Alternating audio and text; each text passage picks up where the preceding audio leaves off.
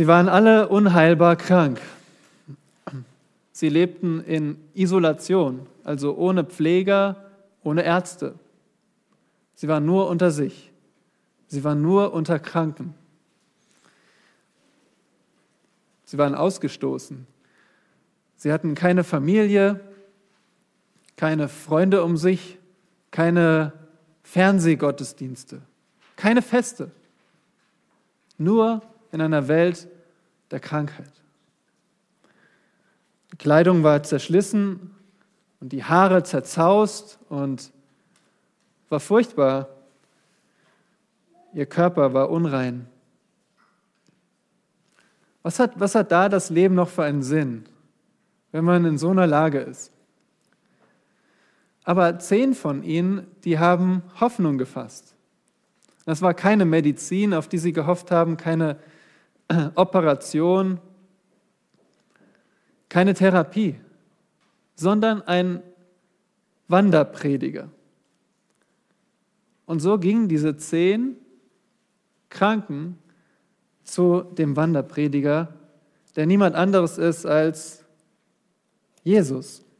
Davon lesen wir in Lukas 17, wo es heißt, dass diese zehn aussätzigen Männer den Herrn Jesus sahen und von ferne stehen blieben. Sie durften ja nicht näher kommen. Sie waren unrein und sie erhoben ihre Stimme und sprachen, Jesus, Meister, erbarme dich über uns. Und als er sie sah, sprach er zu ihnen, Geht hin und zeigt euch den Priestern. Und es geschah, während sie hingingen, wurden sie rein. Einer aber von ihnen kehrte wieder um, als er sah, dass er geheilt worden war, und pries Gott mit lauter Stimme, warf sich auf sein Angesicht zu Jesu Füßen und dankte ihm. Und das war ein Samariter. Da antwortete Jesus und sprach, sind nicht zehn rein geworden? Wo aber sind die neun? Wo sind die neun? Gebührt Gott nicht Dank für alle zehn? Gerade mal zehn Prozent Dankbarkeit.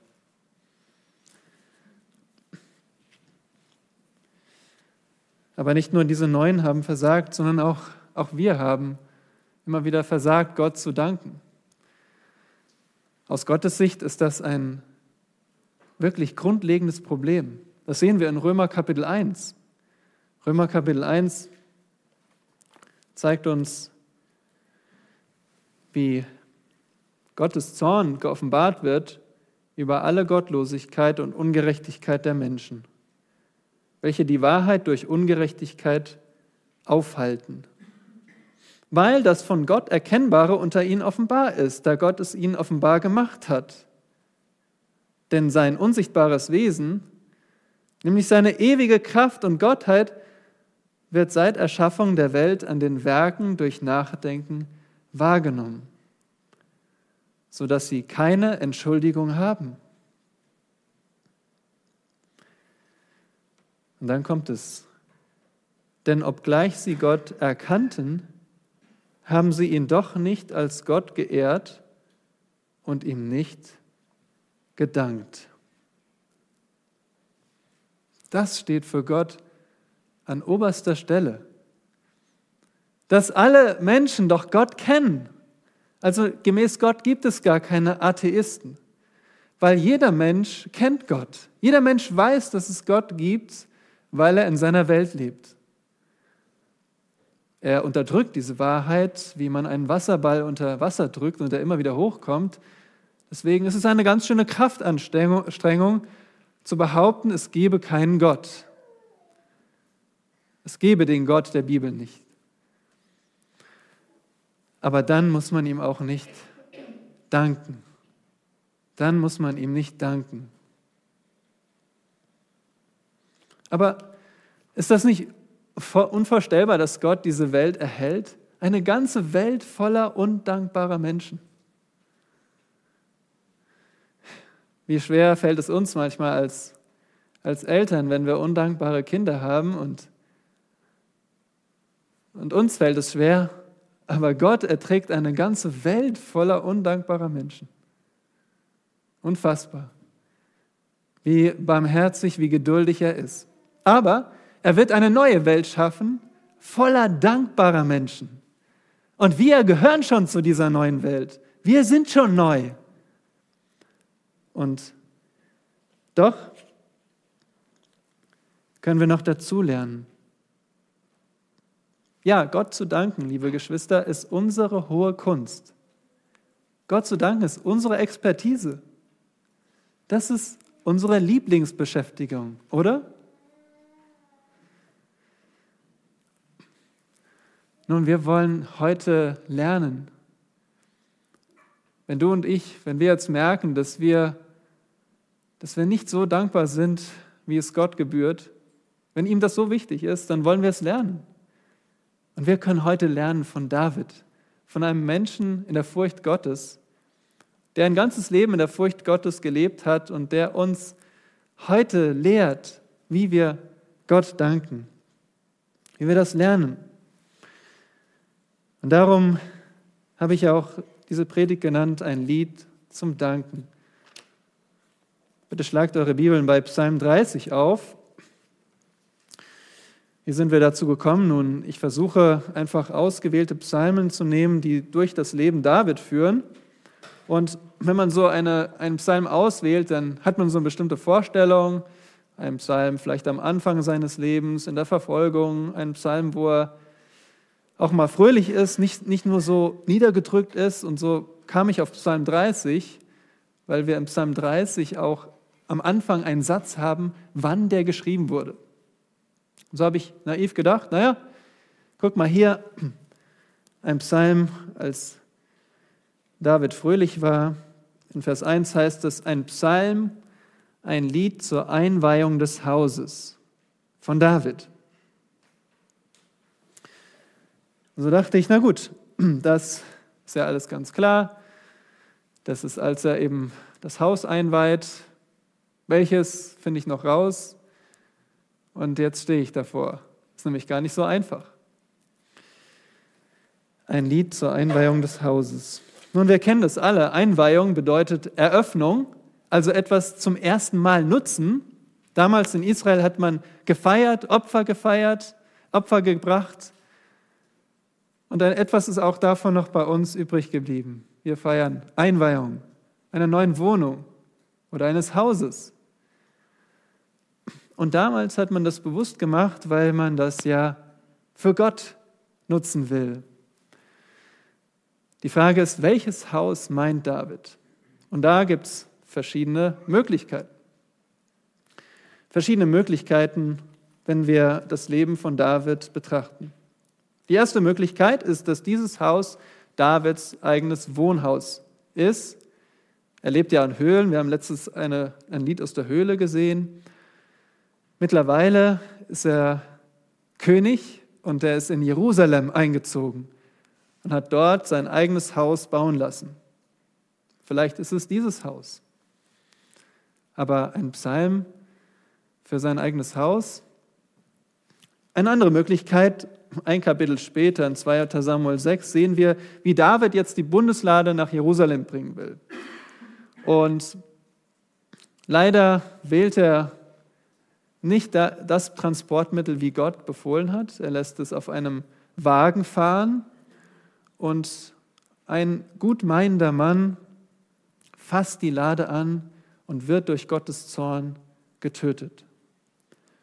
Sofort wird die Aktion abgebrochen. Die Lade bleibt drei Monate an einem äh, Zwischenort und dann bringt David sie mit den Leviten nach Jerusalem. Und die Leviten tragen die Lade, so wie sie es sollen. Und es ist ein Freudenfest. Äh, David tanzt vor der Lade und sie singen und sie feiern. Und David lässt diese Lade in ein Zelt stellen, in ein Zelt. Und das hebräische Wort für Haus kann auch ein Zelt bezeichnen. Also das könnte sein. Ein Psalm für die Einweihung des Zeltes, wo jetzt die Bundeslade steht. Andere meinen, dass es die Geschichte beschreibt von 2 Samuel 24, wo David im Stolz sein Volk zählen lässt. Und dahinter steht sogar Gottes Absicht der Züchtigung. Er lässt David diese Sünde begehen und dann züchtigt Gott das Volk. So, so eine Position hatte David. Das hatte Auswirkungen auf das ganze Volk. 70.000 Menschen sterben. Und dann heißt es, dass, dass David sagt, ich habe gesündigt. Was haben diese Schafe getan? Und so bekommt er gesagt, er soll ein bestimmtes Land kaufen, eine Tenne, die Tenne Aravnas oder Ornans. Und dort opfert David und das wird der Ort, wo der zukünftige Tempel steht. Das ist dieser Felsen, von dem man glaubt, dass, es, dass er direkt unter dem Felsendom ist in Jerusalem. Das ist der Ort, wo der Tempel einmal stand. Das darf man nur nicht auf dem Tempelberg zu laut sagen, denn dort bekommt man gesagt, nee, da stand nie ein Tempel. Aber da hatte Salomo den Tempel gebaut. Also vielleicht ist es ein Lied, das David schrieb, als er diesen Platz kaufte.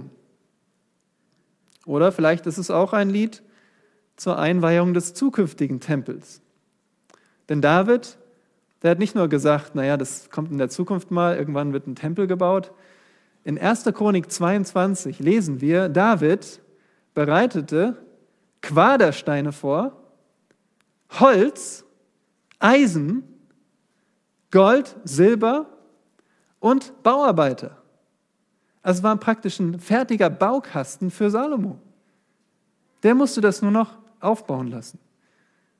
Und wenn David schon alle Materialien vorbereitet, warum sollte er nicht auch ein Lied vorbereiten? Und so viel dazu für die Einweihung des Hauses. Übrigens, im Rest des Psalms lesen wir gar nicht mehr vom Haus. Es ist also nicht so wichtig, das zu wissen, welches Haus ist gemeint. Aber was wir jetzt mitnehmen, ist, das ist ein freudiger Anlass. So wie wenn ihr euch freut, wenn ihr eine neue Wohnung, ein neues Haus bezieht, irgendetwas Neues, neues Auto einweiht, neues Fahrrad. Das ist was Freudiges. Und zu diesem freudigen Anlass will David danken. Und er dankt niemand anderes als Gott. Und so wollen wir auch lernen über das Danken, drei Takte übers Danken,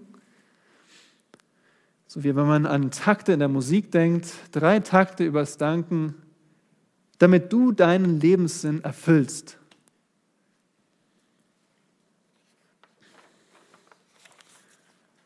Und jetzt wollen wir also nicht nur den ersten Vers, sondern auch den ganzen Psalm lesen. Ein Psalm, ein Lied zur Einweihung des Hauses von David. Ich will dich erheben, o Jahwe, denn du hast mich herausgezogen, dass meine Feinde sich nicht freuen durften über mich. Jahwe, mein Gott, zu dir habe ich geschrien und du hast mich geheilt. Jahwe, du hast meine Seele aus dem Totenreich heraufgebracht. Du hast mich belebt aus denen, die in die Grube hinabfahren. Lob singt Jahwe, ihr seine Getreuen, und preist seinen heiligen Namen. Denn sein Zorn währt einen Augenblick, seine Gnade aber lebenslang. Am Abend kehrt das Weinen ein und am Morgen der Jubel. Und ich sprach, als es mir gut ging, ich werde ewiglich nicht wanken. Jahwe, durch deine Gnade hattest du mein Berg fest hingestellt. Als du aber dein Angesicht verbargst, war ich bestürzt. Zu dir, Jahwe, rief ich. Zu dem Herrn flehte ich um Gnade. Wozu ist mein Blut gut, wenn ich in die Grube fahre? Wird der Staub danken? Wird er deine Treue verkündigen? Höre, o Jahwe, und sei mir gnädig. Jahwe, sei du mein Helfer. Du hast mir meine Klage in einen Reigen verwandelt. Du hast mein Trauergewand gelöst und mich mit Freude umgürtet, damit man dir zu Ehren Lob singe und nicht schweige, o Jahwe mein Gott. Ich will dich ewiglich preisen. Drei Takte übers Danken. Ganz einfach. Erstens, wem gebührt Dank? Wem gebührt Dank? David drückt hier in den Versen 2 bis 4 seinen Dank aus. Ja, sein Dank geht direkt an Gott. Und er macht hier in diesen Versen deutlich, Gott allein gebührt der Dank. Stellt euch vor, wie schlimm wäre es, wenn man gerettet wird und seinem Retter nicht danken kann. Stellt euch vor, jemand wird aus dem brennenden Haus gerettet. Bewusstlos wird herausgerettet. Und der Retter muss noch einmal ins Haus. Er setzt sein Leben weiter aufs Spiel und kommt dabei um. Stellt euch vor, ihr werdet wach, seid wieder bei Bewusstsein, hört, ihr wurdet, wurdet gerettet, aber euer Retter ist tot.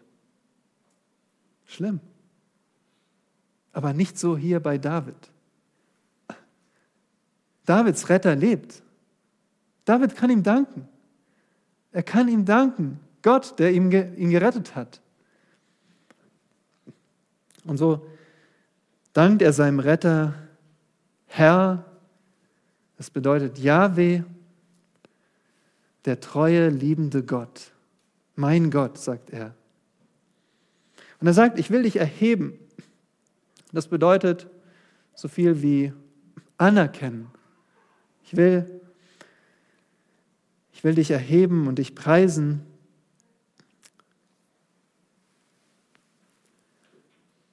Er will es verkünden, er will es öffentlich machen, er will es vors Mikro treten, sozusagen. Ja, er sagt das nicht nur in seinem persönlichen Gebet, sondern er sagt, ich will dich erheben. Also bei Erheben denken wir an Hochheben. Er will Gott hochheben, weil Gott ihn hochgehoben hat. Schaut mal, wie es hier heißt, denn du hast mich herausgezogen. Herausgezogen, das ist das Wort, was man verwendet hat, wenn man Wasser aus der Zisterne zieht. Wer wurde zum Beispiel schon aus der Zisterne gezogen? Josef. Seine Brüder hatten ihn in die Zisterne gebracht und dann herausgeholt, um ihn zu verkaufen. Oder auch ein Jeremia war auch in der Zisterne und wurde gerettet durch einen gnädigen Mann. So sagt David, ich war, ich war da unten und du hast mich rausgezogen. Aber was war genau sein Problem? In diesen Versen 2 bis 4, wenn wir das zusammen betrachten, sehen wir es in Vers 3. Das ist das Problem. David war krank. Seht ihr das? Er sagt, du hast mich geheilt. Wie krank war David? Schaut auf Vers 4. Du hast meine Seele aus dem Totenreich heraufgebracht. War David schon tot? Nein, er war nicht tot, aber er war dem Tod nahe. Er war tödlich krank. Er war fast tot, so schlimm krank. Und Gott hat ihn geheilt. In Vers 2 sehen wir, dass seine Feinde sich fast über ihn gefreut hätten. Die wären froh gewesen, wenn David tot wäre. Wahrscheinlich war David da schon König. Er hatte viele Feinde, Feinde Gottes, aber sie durften sich nicht freuen, weil Gott hat David geheilt. David war fast tot, aber nur fast. Und Gott hat ihn geheilt.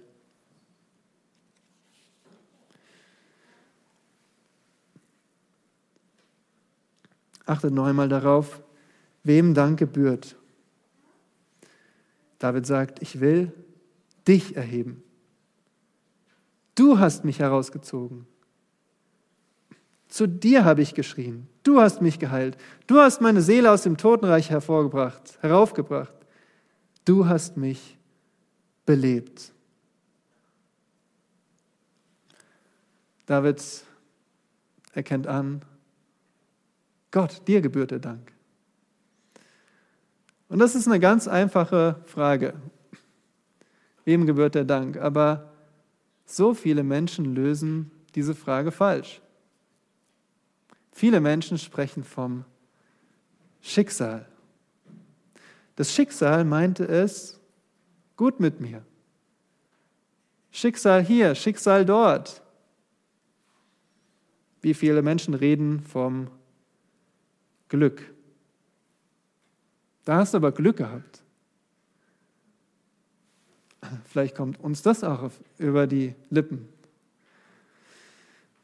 Wenn wir gerade nicht so klar denken, ach, das war aber Glück.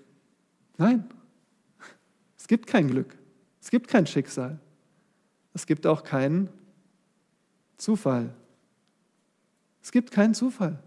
Zufall ist ein Nichts. Glück ist ein Nichts.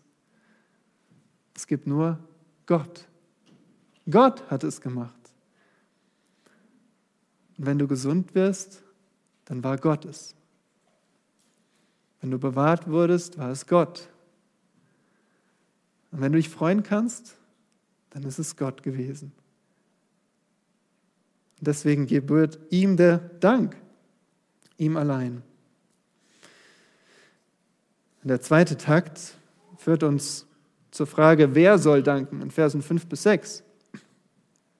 Und hier ruft David die gläubige Gemeinde auf, Gott zu danken. Aber wofür sollen sie danken? Nicht nur für das Wunder an David. Man könnte jetzt denken, David sagt, kommt alle zusammen, ich, ich wurde geheilt. Das ist ja schon ein großer Anlass, oder? Er war fast tot und Gott hat ihn geheilt. Mensch, da kann man doch mal feiern, da können doch alle zusammenkommen und feiern.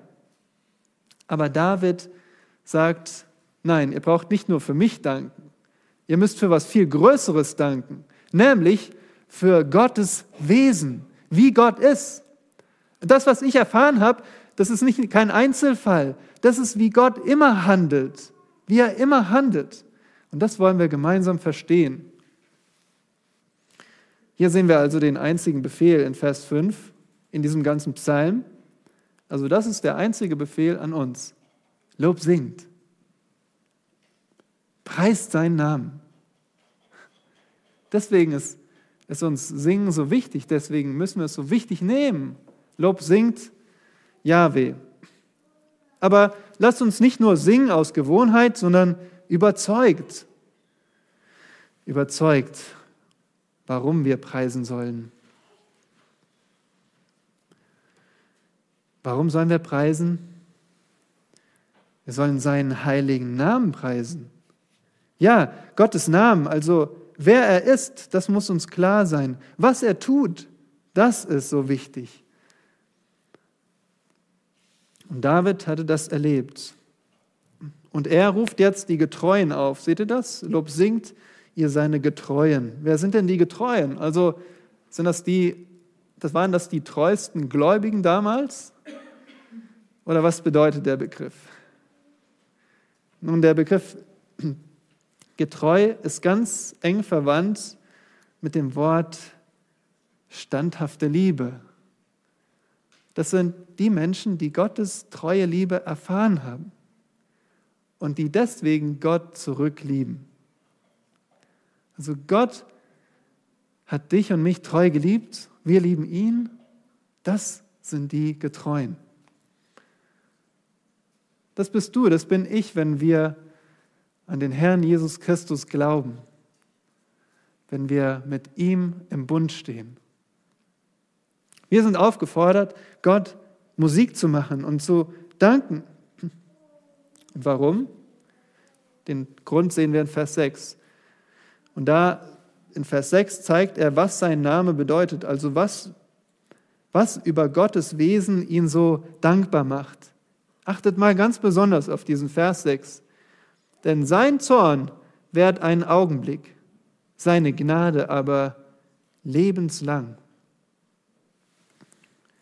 Und ihr Lieben, da bin ich stecken geblieben in meiner Vorbereitung bei der Frage, wie kann es sein, dass David als ein gläubiger Mensch davon spricht, dass Gott zornig ist. Er sagt ja, sein Zorn währt nur einen Augenblick. Also ein Augenblick ist so, wenn ihr mit den Augen blinzelt.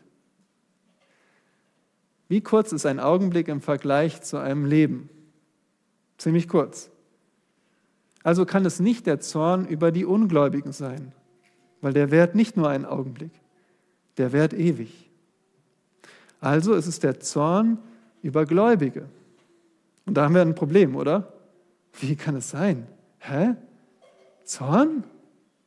Das ist doch für mich voll, völlig äh, zu Ende.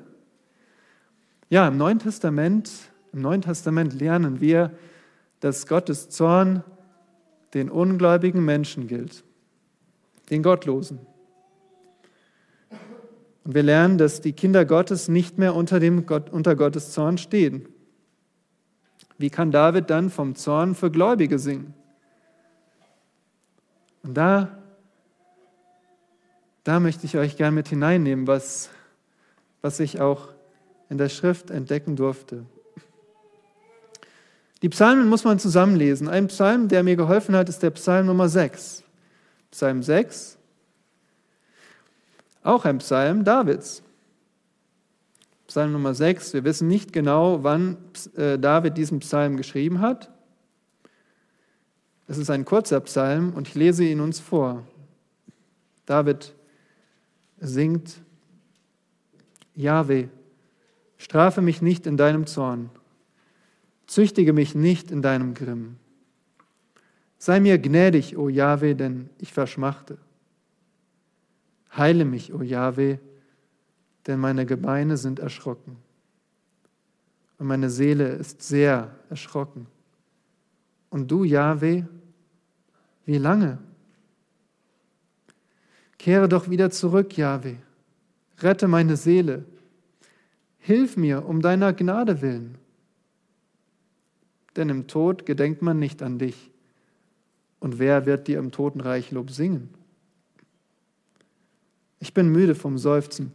Ich schwemme mein Bett die ganze Nacht, benetze mein Lager mit meinen Tränen. Mein Auge ist verfallen vor Kummer, gealtert wegen all meiner Feinde. Weicht von mir, ihr Übeltäter alle. Weicht von mir, denn Jahwe hat die Stimme meines Weinens gehört. Jahwe hat mein Flehen gehört. Jahwe nimmt mein Gebet an. Alle meine Feinde müssen zu Schanden werden und sehr erschrecken. Sie sollen sich plötzlich zurückziehen mit Schanden.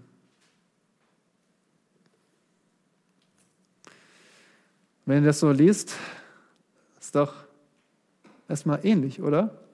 David ist krank. David sagt hier, spricht von Feinden. Er sagt, wenn ich sterbe, wer wird dich preisen, Gott? Sehr ähnlich. Und David betet in Vers 2, Jahwe, strafe mich nicht in deinem Zorn, züchtige mich nicht in deinem Grimm. Aber wie kann er das sagen, wenn wir doch als Gläubige nicht mehr diesen Zorn verdient haben? Oder etwa doch? Nun, wir sehen hier, David hatte gesündigt. Genau wie in unserem Psalm 30. Und wie antwortet Gott auf Sünde seiner Kinder? Er züchtigt sie. Er weist sie zurecht und in diesem Fall durch Krankheit. Und David weiß auch, dass Gott ihn züchtigt. In, Im Bund mit David 2. Samuel 7, ich lese euch vor, da sagt Gott, da verspricht Gott, Vers 14, ich will sein Vater sein und er soll mein Sohn sein.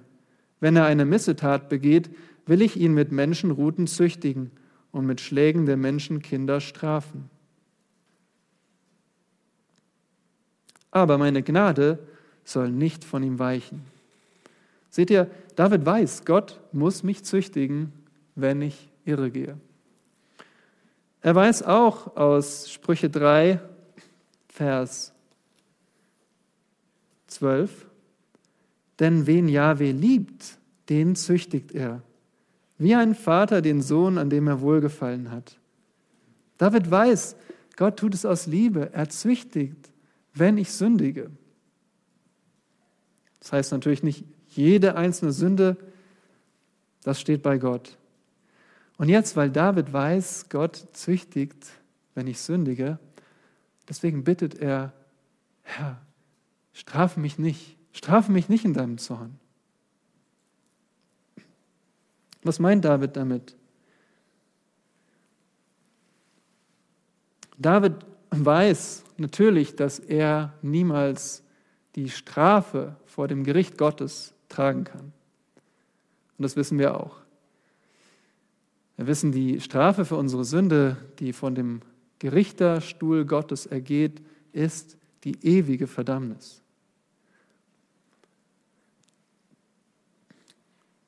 Aber David ist ein Gläubiger wie wir.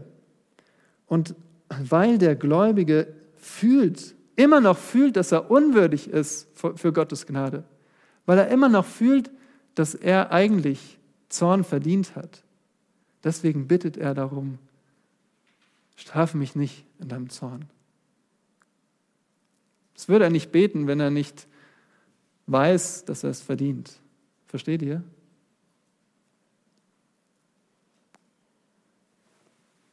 Ich versuche euch das noch weiter deutlich zu machen.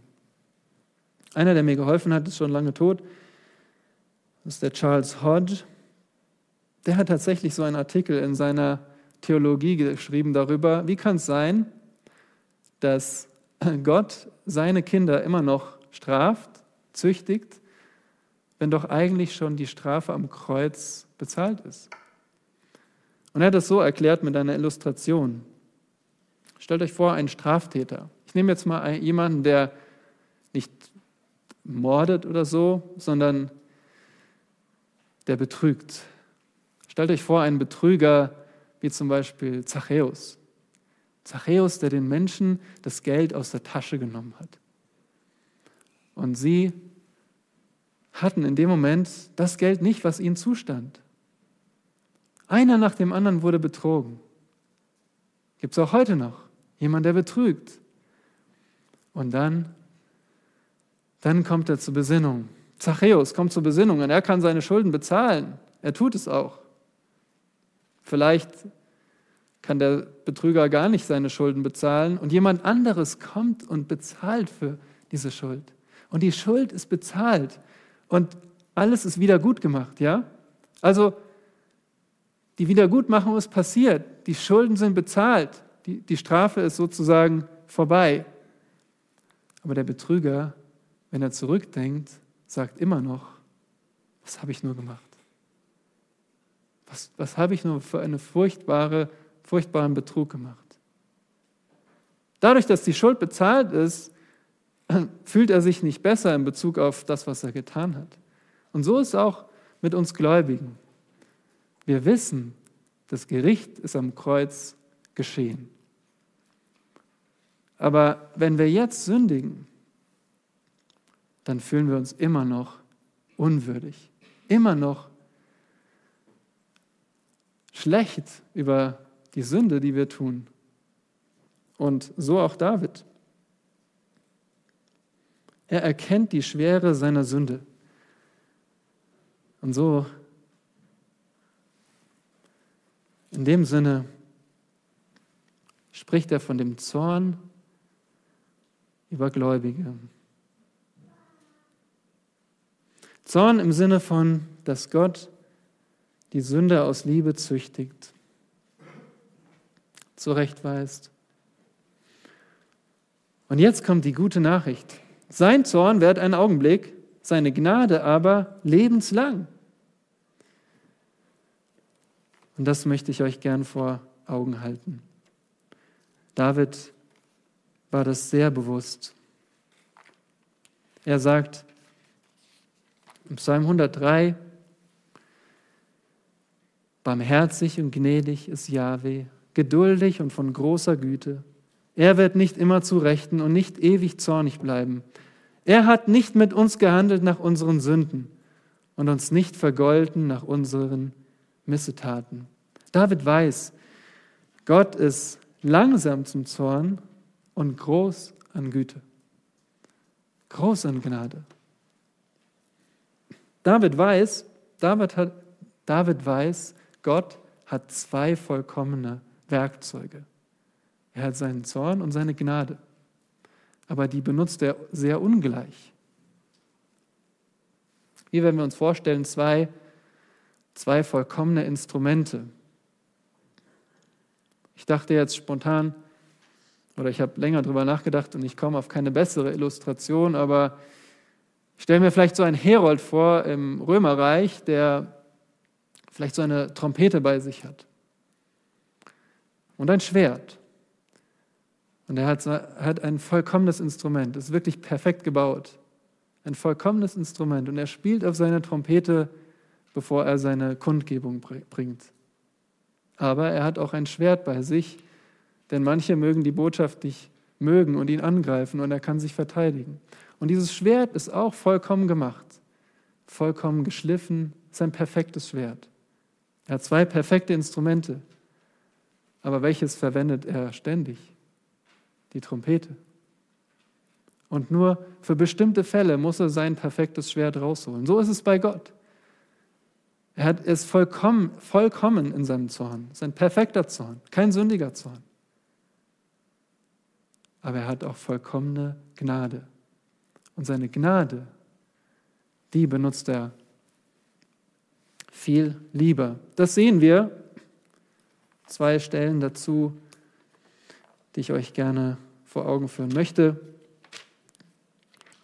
Ich lese euch vor aus Klagelieder 3, Vers 33.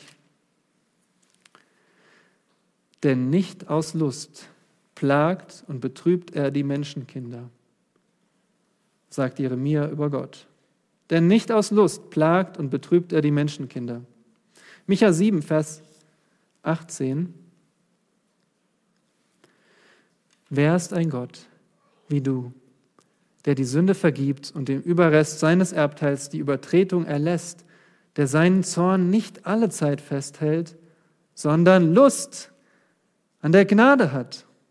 So ist unser Gott. Er hat Lust an Gnade. Und so hat er Lust den Gläubigen Gnade zu erweisen. Und sein Zorn ist im Vergleich dazu nur ein Augenblick.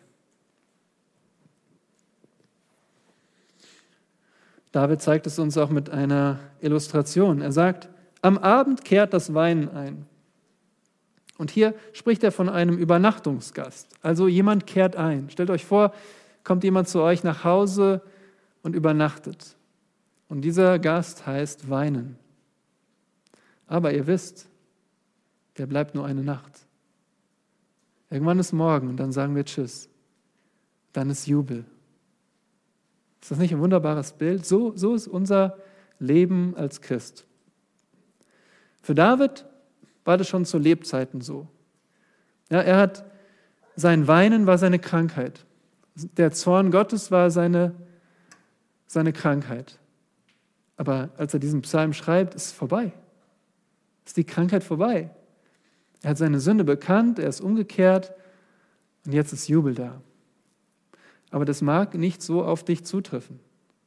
Es kann sein, dass du längere Zeit diesen Gast des Weinens hast. Aber ich sage dir, es gibt einen Morgen. Und der Morgen ist spätestens, spätestens wenn der Herr wiederkommt oder du stirbst. Und so sagt Petrus auch in 1. Petrus 1, Vers 6,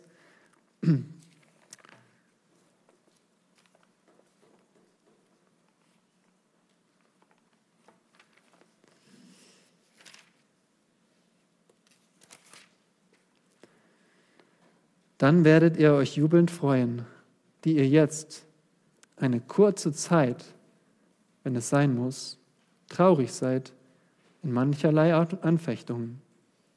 Die kurze Zeit ist unsere Zeit hier im sündigen Fleisch, aber sie ist begrenzt. Sie kann morgen vorbei sein. Und ihr lieben Geschwister, das sage ich euch und sage ich mir, damit wir einander ermutigen.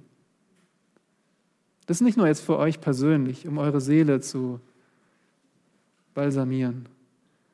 David sagt, Lob singt, preist als Gemeinde. Wir, wir, wir sind aufgerufen, uns gegenseitig zu ermutigen damit. Nicht zu sagen, wird schon wieder gut werden. Wir wissen, es wird gut werden. Ermutigt einander damit, mit diesem Bild. Das Weinen bleibt nur über Nacht. Der Morgen kommt bestimmt. Der Jubel kommt. Wir müssen vertrauen. Wir müssen Gottes Wesen vertrauen. Ein, ein bekannter Redner hat das mal so verglichen. Er hat gesagt, ich habe hier in meiner Hosentasche meinen Autoschlüssel, das ist mein Jeep. Den mag ich, dem gebe ich nicht irgendjemanden. Aber wenn jetzt mein guter Freund hier reinkommen würde, während ich predige, und dieser gute Freund würde sagen, Paul, so heißt er, Paul Washer. Paul, ich brauche dein Auto. Ohne zu wissen, warum er das braucht, ich würde ihm meinen Schlüssel schmeißen. Das ist Vertrauen auf Gott. Ich vertraue ihm, ohne zu wissen, was er macht, weil ich weiß, wie er ist, weil er Lust an Gnade hat. Schließlich der dritte Takt, wie entsteht Dank? Und hier Schauen wir uns die Verse 7 bis 13 an. Hier gibt David ausführlich Zeugnis von seiner Heilung. Also hier erklärt er uns, wie ist es eigentlich dazu gekommen, dass ich jetzt Gott danken kann. Ihr kennt doch bestimmt ein Making-of, oder? Also ein Film wird gemacht, ein Film wird gedreht und dann gibt es äh, so ein Filmschnitt, wo man zeigt, wie hat man das jetzt, diesen Film gemacht. Also dann blickt man so hinter die Kulissen und sieht, ah, okay, das ist die Kulisse für diese Szene. David gibt uns jetzt so ein Making-of von seinem Dank. Er zeigt uns, wie der Dank entsteht und wir können davon lernen. Er beginnt damit in Vers 7 und sagt, ich sprach, als es mir gut ging, und hier betont er das Ich. Ich. Ich sprach, als es mir gut ging. Wahrscheinlich war er König. Er war nicht mehr verfolgt. Er war jetzt in einem Haus. Er hatte ein Reich. Es ging ihm gut. Er war sozusagen selbstversorgt. Und er sagt, ich werde ewiglich nicht wanken. Und das, diesen Ausdruck habe ich im Psalm 10, Vers 6 fast wortwörtlich so gefunden, wo es heißt, dass die Gottlosen in ihrem Herzen sagen, ich werde niemals wanken. Das sagen die Gottlosen. Die, die Gott nicht kennen, die sagen, naja, ich vertraue auf mich. Ich werde nicht wanken. David hat es genauso gemacht. David sagt, ich werde nicht wanken, dann brauche ich auch nicht zu danken. So in dem, der Art und Weise. Er meinte, er braucht Gott nicht mehr. Er war in sich selbst zufrieden. Er war sorglos. Das brauchen wir alle. Diese Warnung. Ich kann so denken. Ich denke so. Dass ich meine, dafür brauche ich Gott nicht. Ich habe die Kraft. Ich kann das. Ich habe schon oft genug gemacht. Mir geht es jetzt gut. Ich werde nicht wanken. Vers 7.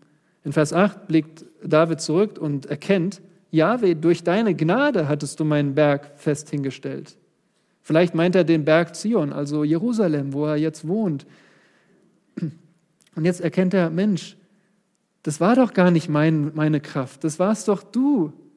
Du hast mich doch so in Sicherheit wohnen lassen. Das kann ich mir doch gar nicht zuschreiben. Wie dumm war ich. Das war doch deine Gnade. Aber dann hat Gott sein Angesicht verborgen. Also er hat einfach sein, seine Gunst zurückgezogen. Gott hat seine Gunst zurückgezogen und David war bestürzt. Worüber war er bestürzt? Er wurde krank. Auf einmal war es vorbei mit der Kraft. Und er, keiner konnte ihm helfen, er war dem Tod nahe.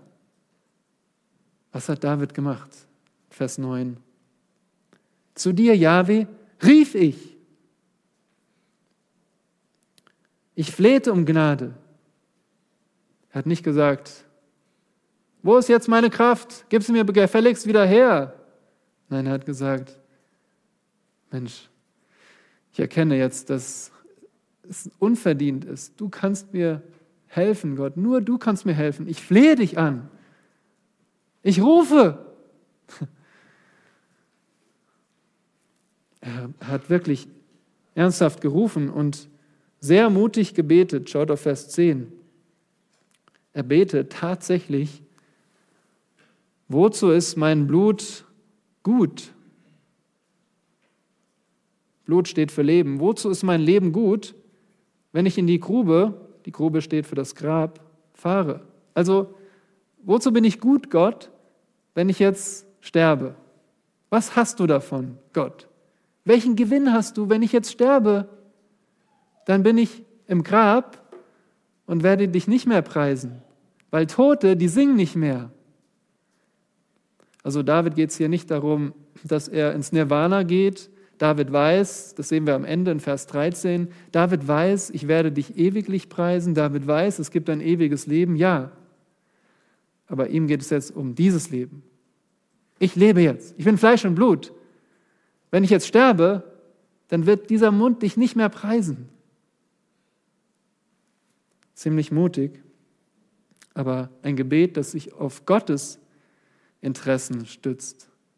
Er sagt nicht, heile mich, damit ich endlich mal wieder Pferde reiten kann oder damit ich endlich mal wieder leckeres Essen genießen kann. Nein, er sagt, heile mich für dich.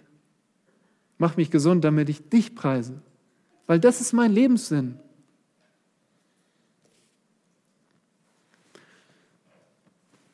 Und so sehen wir folgenden Ablauf. David ist hochmütig, Gott züchtigt ihn durch Krankheit, David betet und fleht Gott an und Gott verwandelt seine Lage.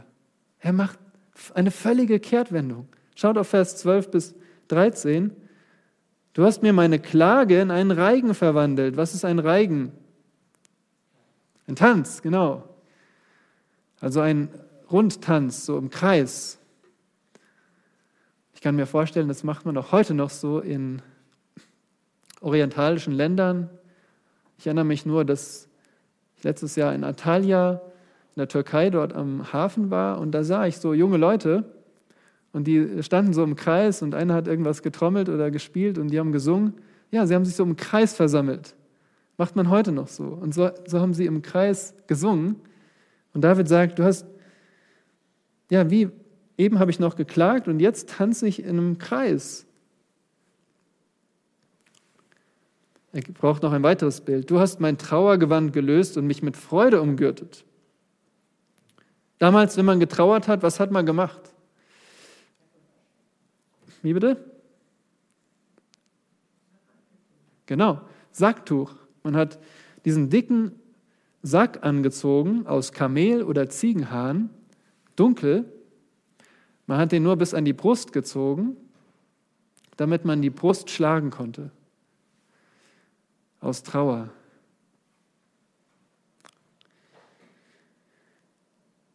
Du hast mir dieses Trauergewand ausgezogen und mich bekleidet mit Freude. Nun, wie ist, wo kann man denn Freude einkaufen? Ja, hier sehen wir, dass nicht nur, Freude kann man nicht nur anziehen. Man kann es nicht nur irgendwie ein, eine bestimmte Kleidung kaufen und dann wird man fröhlich. Kleidung macht nicht fröhlich. Freude muss innen drin sein. Und David hatte diese Freude über die Gemeinschaft mit Gott. Seine Sünde war jetzt vergeben. Und Gott hat ihn wiederhergestellt. Gott gibt ihm Geborgenheit. Und jetzt versteht David, wozu das alles. Vers 13. Damit man dir zu Ehrenlob singe und nicht schweige.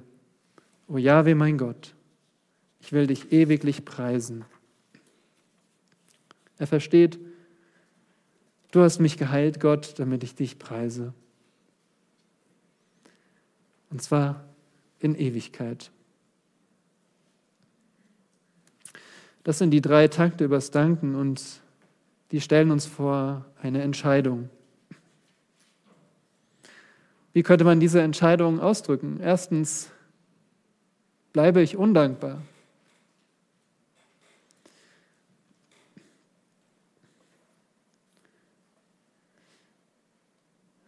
Undankbarkeit kommt aus einer falschen Sicht von uns selbst. Das, das verstehen wir. Wenn wir denken, ich bin doch gut genug, ich bin gut genug für mich, ich bin zufrieden mit mir, ich bin auch gut genug vor anderen und ich bin gut genug vor Gott. Gott muss mich annehmen, so wie ich bin. Aber der Herr Jesus hatte sehr harte Worte für selbstgerechte Menschen. Also wenn man sagt, das, was ich leiste, wie ich bin, das, das erfüllt Gottes Standard. Der Jesus hat sehr, sehr hart dagegen geredet, aber mit Liebe. Er hat den reichen Jüngling mit Liebe angeblickt. Den, der gesagt hat, ich habe alle Gebote gehalten.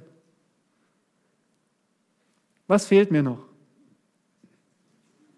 Nun, ihm fehlte Jesus zu erkennen. Jesus als wahrer Gott, der Mensch wurde, weil wir versagt haben, weil wir vor Gott schuldig sind, so wie wir sind, weil wir vor Gott nicht passend sind, weil wir rebellisch sind, ist der Herr Jesus Mensch geworden und hat ein gehorsames Leben geführt, um dann auch noch unsere Schuld am Kreuz zu tragen. Und Gottes Zorn den ewigen Zorn auf sich zu nehmen in drei Stunden, als es finster wurde. Und dann von den Toten aufzuerstehen, weil er Gottes Sohn ist. Und aufzufahren in den Himmel, um eines Tages wiederzukommen und uns zu richten. Nach Gottes Maßstab. Vollkommenheit. Und wenn du erkennst, ich vertraue auf mich selbst, wenn ich dran denke, ich muss einmal vor Gott stehen, dann kehr um zu Jesus Christus, weil nur sein Werk kann dich retten. Vertrau auf ihn und nicht auf dich selbst. Schau auf ihn und gib jeden Gedanken daran auf, dass du gut genug bist für Gott. Und wenn du siehst, dass du unverdient jetzt gerettet wirst von Gott, dann macht dich das dankbar. Bleibe ich weiter undankbar, vor der Entscheidung stehen wir. Zweitens, vertraue ich Gott im Leiden. Leiden betrifft uns alle, mehr oder weniger. Entweder es ist Züchtigung, weil wir gesündigt haben und wir wissen, okay, mir ist bewusst, ich mache was nicht richtig. Oder es ist Läuterung. Leiden, selbst wenn du nichts dafür kannst in dem Sinne, ist trotzdem gut für uns, weil es uns löst von dem Irdischen und uns auch reinigt von dem, was an uns Gott nicht gefällt. Aber trotzdem kann man auch im Leiden bitter werden. Und, und dieser Psalm, der hilft uns, weil er zeigt uns, Gott, Gottes Zorn währt einen Augenblick, aber seine Gnade lebenslang. Er ist ein durch und durch vollkommener Gott und er tut es aus Liebe, was immer er tut, weil er uns in Christus liebt, weil er uns selbst liebt. Der Vater hat uns lieb. Vertraue ich Gott in Leiden? Das ist die Entscheidung, die wir treffen müssen. Drittens, danke ich Gott vor der Gemeinde. Denn das ist der Aufruf hier. Lob singt, ihr seine Getreuen. Kannst du, könntest du vor der Gemeinde danken? Nun, vielleicht warst du noch nicht tödlich krank und bist jetzt geheilt worden. Dann würdest du denken, ja, das wäre doch mal was. Das wäre doch mal eine Sensation, die ich auch so vor der Gemeinde sagen könnte. Aber bei uns allen ist etwas viel Größeres passiert. Wir waren geistlich tot, wir waren schon tot. Und wir sind lebendig geworden in Christus. Durch den Glauben sind wir jetzt ein neuer Mensch.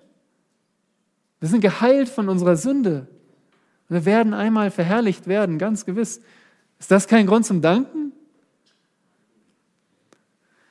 Und so möchte ich euch auch einladen, wenn ihr einmal diese Dankbarkeit ganz klar verspürt, wenn ihr etwas erlebt, auch wie Gott euch zum Danken bringt, dann kommt auf uns zu als Hirten und, und wir möchten gerne euch Gelegenheit geben, auch im Gottesdienst dem Herrn zu danken.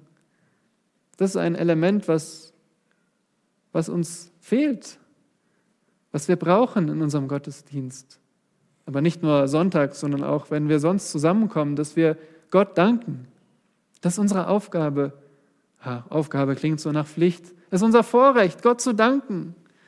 Ach, möge Gott uns wirklich erwecken im Herzen, dass wir diese Dankbarkeit haben. Nicht als Form, sondern als echtes Anliegen. Und viertens, lebst du, um Gott zu danken und zu preisen? Ist das dein Lebenssinn, Gott zu danken und zu preisen? Würdest du das unterschreiben? David macht es. Er sagt, ich will dich ewiglich preisen. Er sagt, wenn du mich jetzt heilst, Gott, mein Sinn ist es, dir zu danken.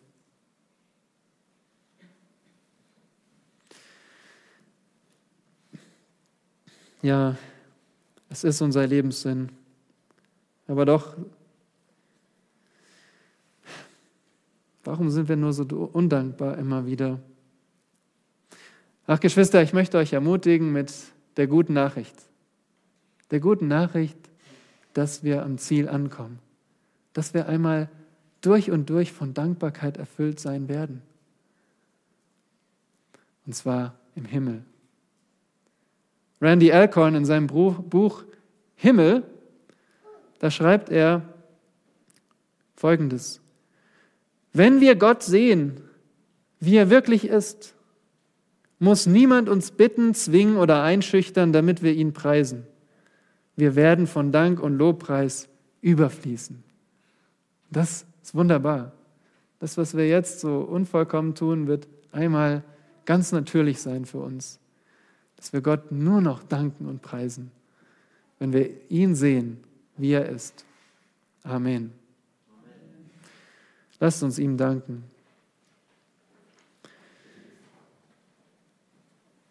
Unser Vater im Himmel, gelobt und gepriesen sei dein Name, unser Vater, unseres Herrn Jesus Christus. Denn du hast uns aus dem Tod herausgezogen. Ja, wir waren tot. Wir hatten kein Leben in uns. Wir haben dich doch nicht erkannt. Wir haben vielleicht Lügen geglaubt, aber wir haben nicht an dich, den wahren Gott, geglaubt. Wir haben nicht Christus wertgeschätzt. Wir haben ihn nicht geliebt. Du hast uns rausgezogen. Du hast uns neues Leben gegeben. Du hast uns geheilt von unserer Rebellion gegen dich. Ein für alle Mal geheilt. Wir werden nicht rückfällig werden, weil dein Geist in uns ist. Wir werden ankommen am Ziel und dich sehen und dir in Ewigkeit danken. Danke, dass dein Zorn nur so kurz währt und dass du dabei gute Absichten hast mit uns, uns zu reinigen und uns mit deiner Gnade in Ewigkeit zu überschütten. Danke, Vater, im Namen Jesu. Amen.